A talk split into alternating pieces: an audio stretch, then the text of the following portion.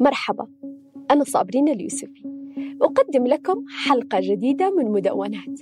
في هذا الموسم بنحكي عن الأساطير والأساطير مش شرط تكون قصص خرافية وأبطالها خارقين من زمن بعيد. ممكن تكون فكرة متوارثة ومتداولة في تفاصيل حياتنا البسيطة. الأسطورة اللي بحكي لكم عنها من حياتي منعكسة في رواية اليهودي الحالي.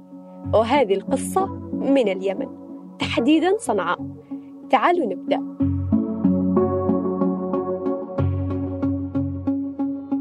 من فاطمة إلى اليهودي الحالي.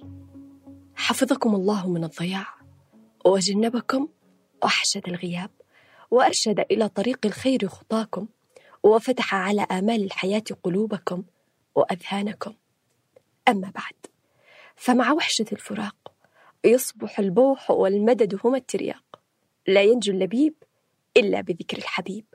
وعليه فأنا أكتب إليك مبتدئة بالسؤال عن صحتك وأحوالك ومهنئة لك بأعيادنا وأعيادك. وأسأل الله لك ولكل اليهود والمسلمين. كذلك لأتباع جميع الملل والنحل. ومن لا ملة له سلام الأيام وبهجة الدهر. وخلاصة الكلام وبغية القول والمراد. إني أدعوكم إلى إيضاح النقش المرسوم على جدار ديوان بيتنا والذي دخل النمل من أطرافه ووسطه عبر فتحات صغيرة لمسكنه القديم ولأنه قد غير الاتجاه واستقر فيما رأى أنه مباح. خطرت في البال فكرة الإيضاح والاستفادة مما استغنى عنه النمل في المعاش. فإذا تفضلتم بكتابتكم إلينا مع السيدة المتفضلة علينا. حددوا اليوم الذي ستشرفون فيه بطلاتكم وعطفكم. حتى نعلم القدوم ونستقبلكم بالود والسرور. شوقنا إليكم معروف. لا يتطلب منا كثرة الوضوح. والسلام في الختام. أهديه على كل حال في الصحوة والمنام. يا سنترال الخط فيك اشتباك بين اتصل في قلب مشغول. إلى عالم الرواية اليابانية حندخل اليوم من خلال رائعة الكاتب علي المقري اليهودي الحالي اللي صدرت عام 2009 عن دار الساقي في بيروت وترجمت إلى العديد من اللغات منها الإيطالية والكردية. وكانت ضمن القائمة الطويلة لجائزة البوكر في دورتي الجائزة عام 2009 و2011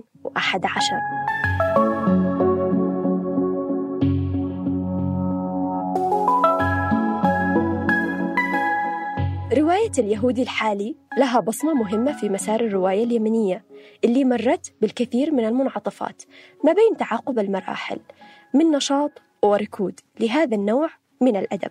متى تتوقعوا بدأ مشوار الرواية اليمنية؟ في عام 1927 نشرت رواية فتاة قاروت للكاتب أحمد بن عبد الله السقاف.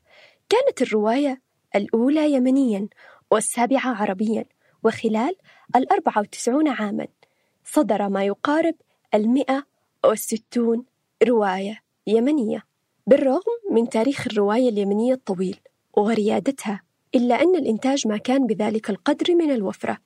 والكتاب في اليمن كافحوا كثير لشق طريق وعرة في مسار كتابة الرواية. وتعرضوا لأنواع متعددة من الضغوط والقمع بس هذا ما خلاهم يتوقفوا. واستمرت جهودهم في سبيل أدب الرواية تحديدا في السنوات الأخيرة اللي تصدرت فيها بعض الروايات اليمنية المشهد الأدبي في الوطن العربي بأعمال لها من الحضور ما ينسجم ويعكس تطورات الوطن العربي.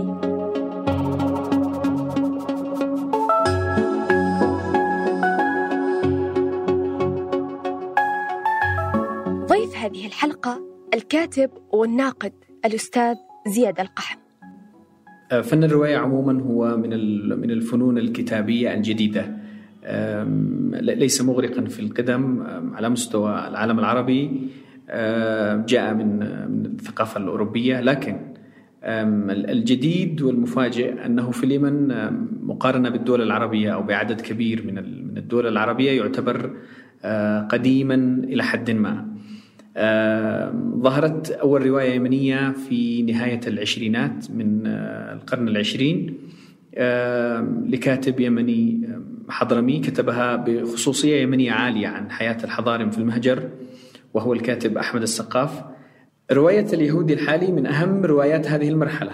هي المرحلة المهمة. آه، العقدين الأخيرين أو العقدان الأخيران هما المرحلة المهمة في تاريخ الرواية اليمنية ورواية اليهود الحالي من أهم روايات هذه المرحلة التي أوصلت القلم اليمني آه، إلى مساحة كبيرة في العالم العربي لأسباب كثيرة. رواية اليهودي الحالي بتركز على التعصبات الدينية أو ما ينتج عنه من كراهيات بين الفئات المجتمعية فكل جماعة تنغلق بتفكيرها حول نفسها وتصنع هوية مضادة ومزيفة للآخر اللي ما ينتميش لها. آه، تدور الرواية طبعا في القرن السادس عشر تقريبا القرن السادس السابع عشر عفوا. لكن الأحداث انطبقت على كل عصور آه، على كل العصور التي تواجد فيها اليهود في اليمن. وهو في الحقيقة ليس تواجدا الفترة التي تجاور فيها اليهود والمسلمون في اليمن. آه، خلال تلك الفترة كانت شخصية اليهودي إذا حضرت في الأعمال السردية الحكائية تحضر ب يعني يحضرها السارد الإسلامي أو المسلم برؤيته الدينية وليس بالرؤية الإنسانية. فكان اليهودي يحضر ليكون هو مصدر الشر هو الجشع هو البخيل هو الشخص الذي يقوض بنيان المجتمع. هكذا روج روجت الحكاية الشعبية لليهودي في اليمن. الرواية عمرها ما كان عمل سهل وسريع ولكن مشروع أدبي كتب بعد بحث مكثف وطويل. وهذا بالضبط اللي تكلم عنه كاتب روايتنا علي المقري لما قال قبل تأليف الرواية اطلعت على الإرث اليهودي اليمني من فنون وموسيقى. ترجمت العديد من المقالات التي تحدثت عن يهود اليمن حتى أصبح لدي كم كبير من المعلومات. أستند عليه في كتابة الرواية.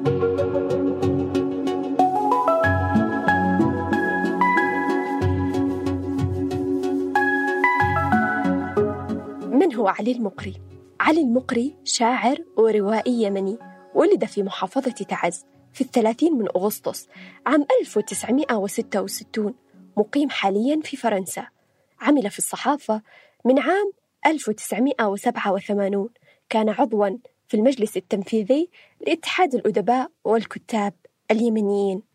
بدأ علي المقري شاعرا وصحفيا ثم كتب في الفكر قدم كتابا في الفكر أيضا. آه، ثم بدأ الإنتاج الروائي عندما بدأ الإنتاج الروائي فعلا كانت الرواية اليمنية تنطلق وكان جزءا من هذه الانطلاقة هي أعمال علي المقري. كتب مجموعة من الروايات غير اليهودي الحالي منها حرمة طعم أسود رائحة سوداء بخور عدني بلاد القائد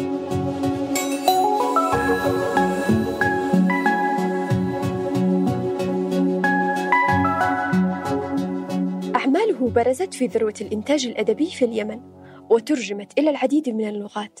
قالوا عنه أنه يكتب في كل ما هو محظور ويأخذ القارئ إلى زاوية مختلفة تماما. أول ما يقرأ أحد عنوان الرواية بيتخيل على طول إنها بتحكي عن وضع اليهود الآن بسبب لفظ الحالي واللي بتوحي بالآنية في اللغة العربية. ولكن بعدها بيتفاجأ لما يكتشف إنه الحالي كلمة محلية يمنية معناها الجميل أو حسن الوجه بتستخدم بكثرة خصوصا في شمال البلاد. الرواية مزجت كثير من الأحداث التاريخية باستخدام أساليب وتقنيات قائمة على السرد البسيط والمكثف بخيال خصب تميزت بقدر كبير من الجرأة والتوغل إلى المناطق التي اعتاد الناس السكوت عنها. ما بين القصص المتداولة عن يهود اليمن عبر الزمن والتي ممكن يكون بعضها حقيقي وبعضها أسطورة. فالكلام عن علاقتهم بالآخر غالبا يلفه الحقد والخوف والذل بسبب نشأة أفراد المجتمع على أن اليهودي هو الآخر المختلف هو العدو. بينما حقيقة الأمر أن يهود اليمن هم مكون حضاري وثقافي مهم جدا. لهذا كثير من النقاد حبوا الرواية لكنها لاقت انتقادا واسعا من بعض أفراد المجتمع. وأغلب التعليقات ركزت على أن الكاتب قدر يرسم الشخصيات بحس إنساني عالي ومن خلالهم حاول نسف أكبر أساطير المجتمع عن اليهود. أنا الذي سارعت بالاشتراك.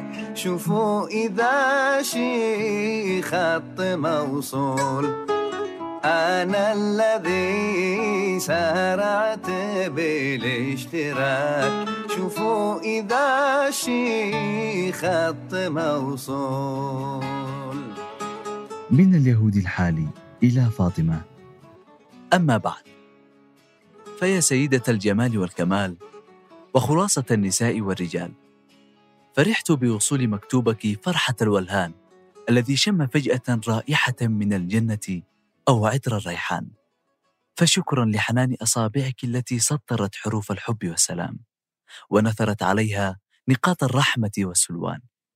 شكرا لإلهك إذ وهب لنا من رحمته اسمك وأظهر لنا من صورته صفاتك. ونحن لولا آيتك لنا في أن نبقى أحرارا لكنا بين يديك خاضعين ولمشيئتك طائعين وليس لغيرك متجهين. فلم نعرف من الحب والحبيب إلا حبك ومن الود والودود إلا ودك ومن الرحمة والرحيم سوى رحمتك ومن السلم والسلام غير كلماتك ومن الإسلام إلا مذهبك ولم نعرف من الله سواك أنت. وأما بشأن تشريفك لنا بالقيام بإيضاح النقش المرسوم في ديوانكم الكريم فعلى رأسي ومن عيني. سأجيء إليكم عصر الجمعة التالي لليوم الذي يصلك فيه مكتوبي هذا.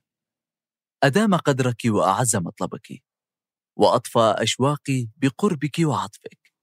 والسلام في الختام من يهوديك الذي لا ينام شوقا وغرامة ومن هنا نغوص في أحداث الرواية. فاطمة بنت المفتي وسالم هو شاب يهودي كان يخدم أسرتها في بعض الأعمال. مقابل الخبز وشوية من الذرة. ما كان سالم يعرف القراءة لذا عرضت عليه فاطمة أن تعلمه القراءة والكتابة باللغة العربية لأنها أكبر منه بالعمر. أخبر سالم أبيه بالموضوع. رد عليه قائلا اسمعني وافهمني. تعلم لديهم القراءة والكتابة ولكن انتبه دينهم وقرآنهم لهم. هم مسلمون ونحن يهود. تزداد عقدة الرواية بتطور العلاقة بين سالم وفاطمة. فيخاطب اليهود الحالي فاطمة التي تسكن روحه ويقول شعرت بألم شديد. كدت معه أمقت كل يهودي ومسلم. كيف لي أن أرمم انشقاق الروح وانشطار الجسد؟ الرواية ما تنتهيش هنا بل ينتقل صراع الهوية والدين إلى الأجيال المتلاحقة. تتكرر الأحداث مع اختلاف الزمن والأسماء فقط. وهكذا يبرز الحب عنوانا في هذه الرواية ليكسر كل أساطير الخوف من الآخر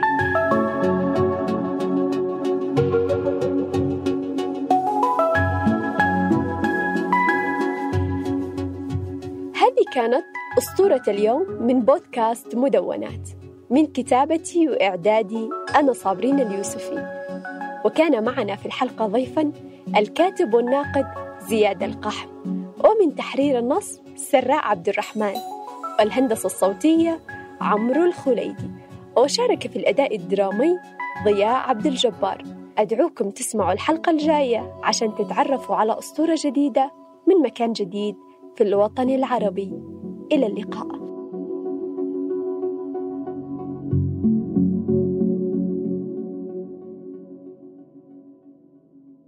هذه الحلقة من مشروع مدونات هي من إنتاج المورد الثقافي والمجلس الثقافي البريطاني.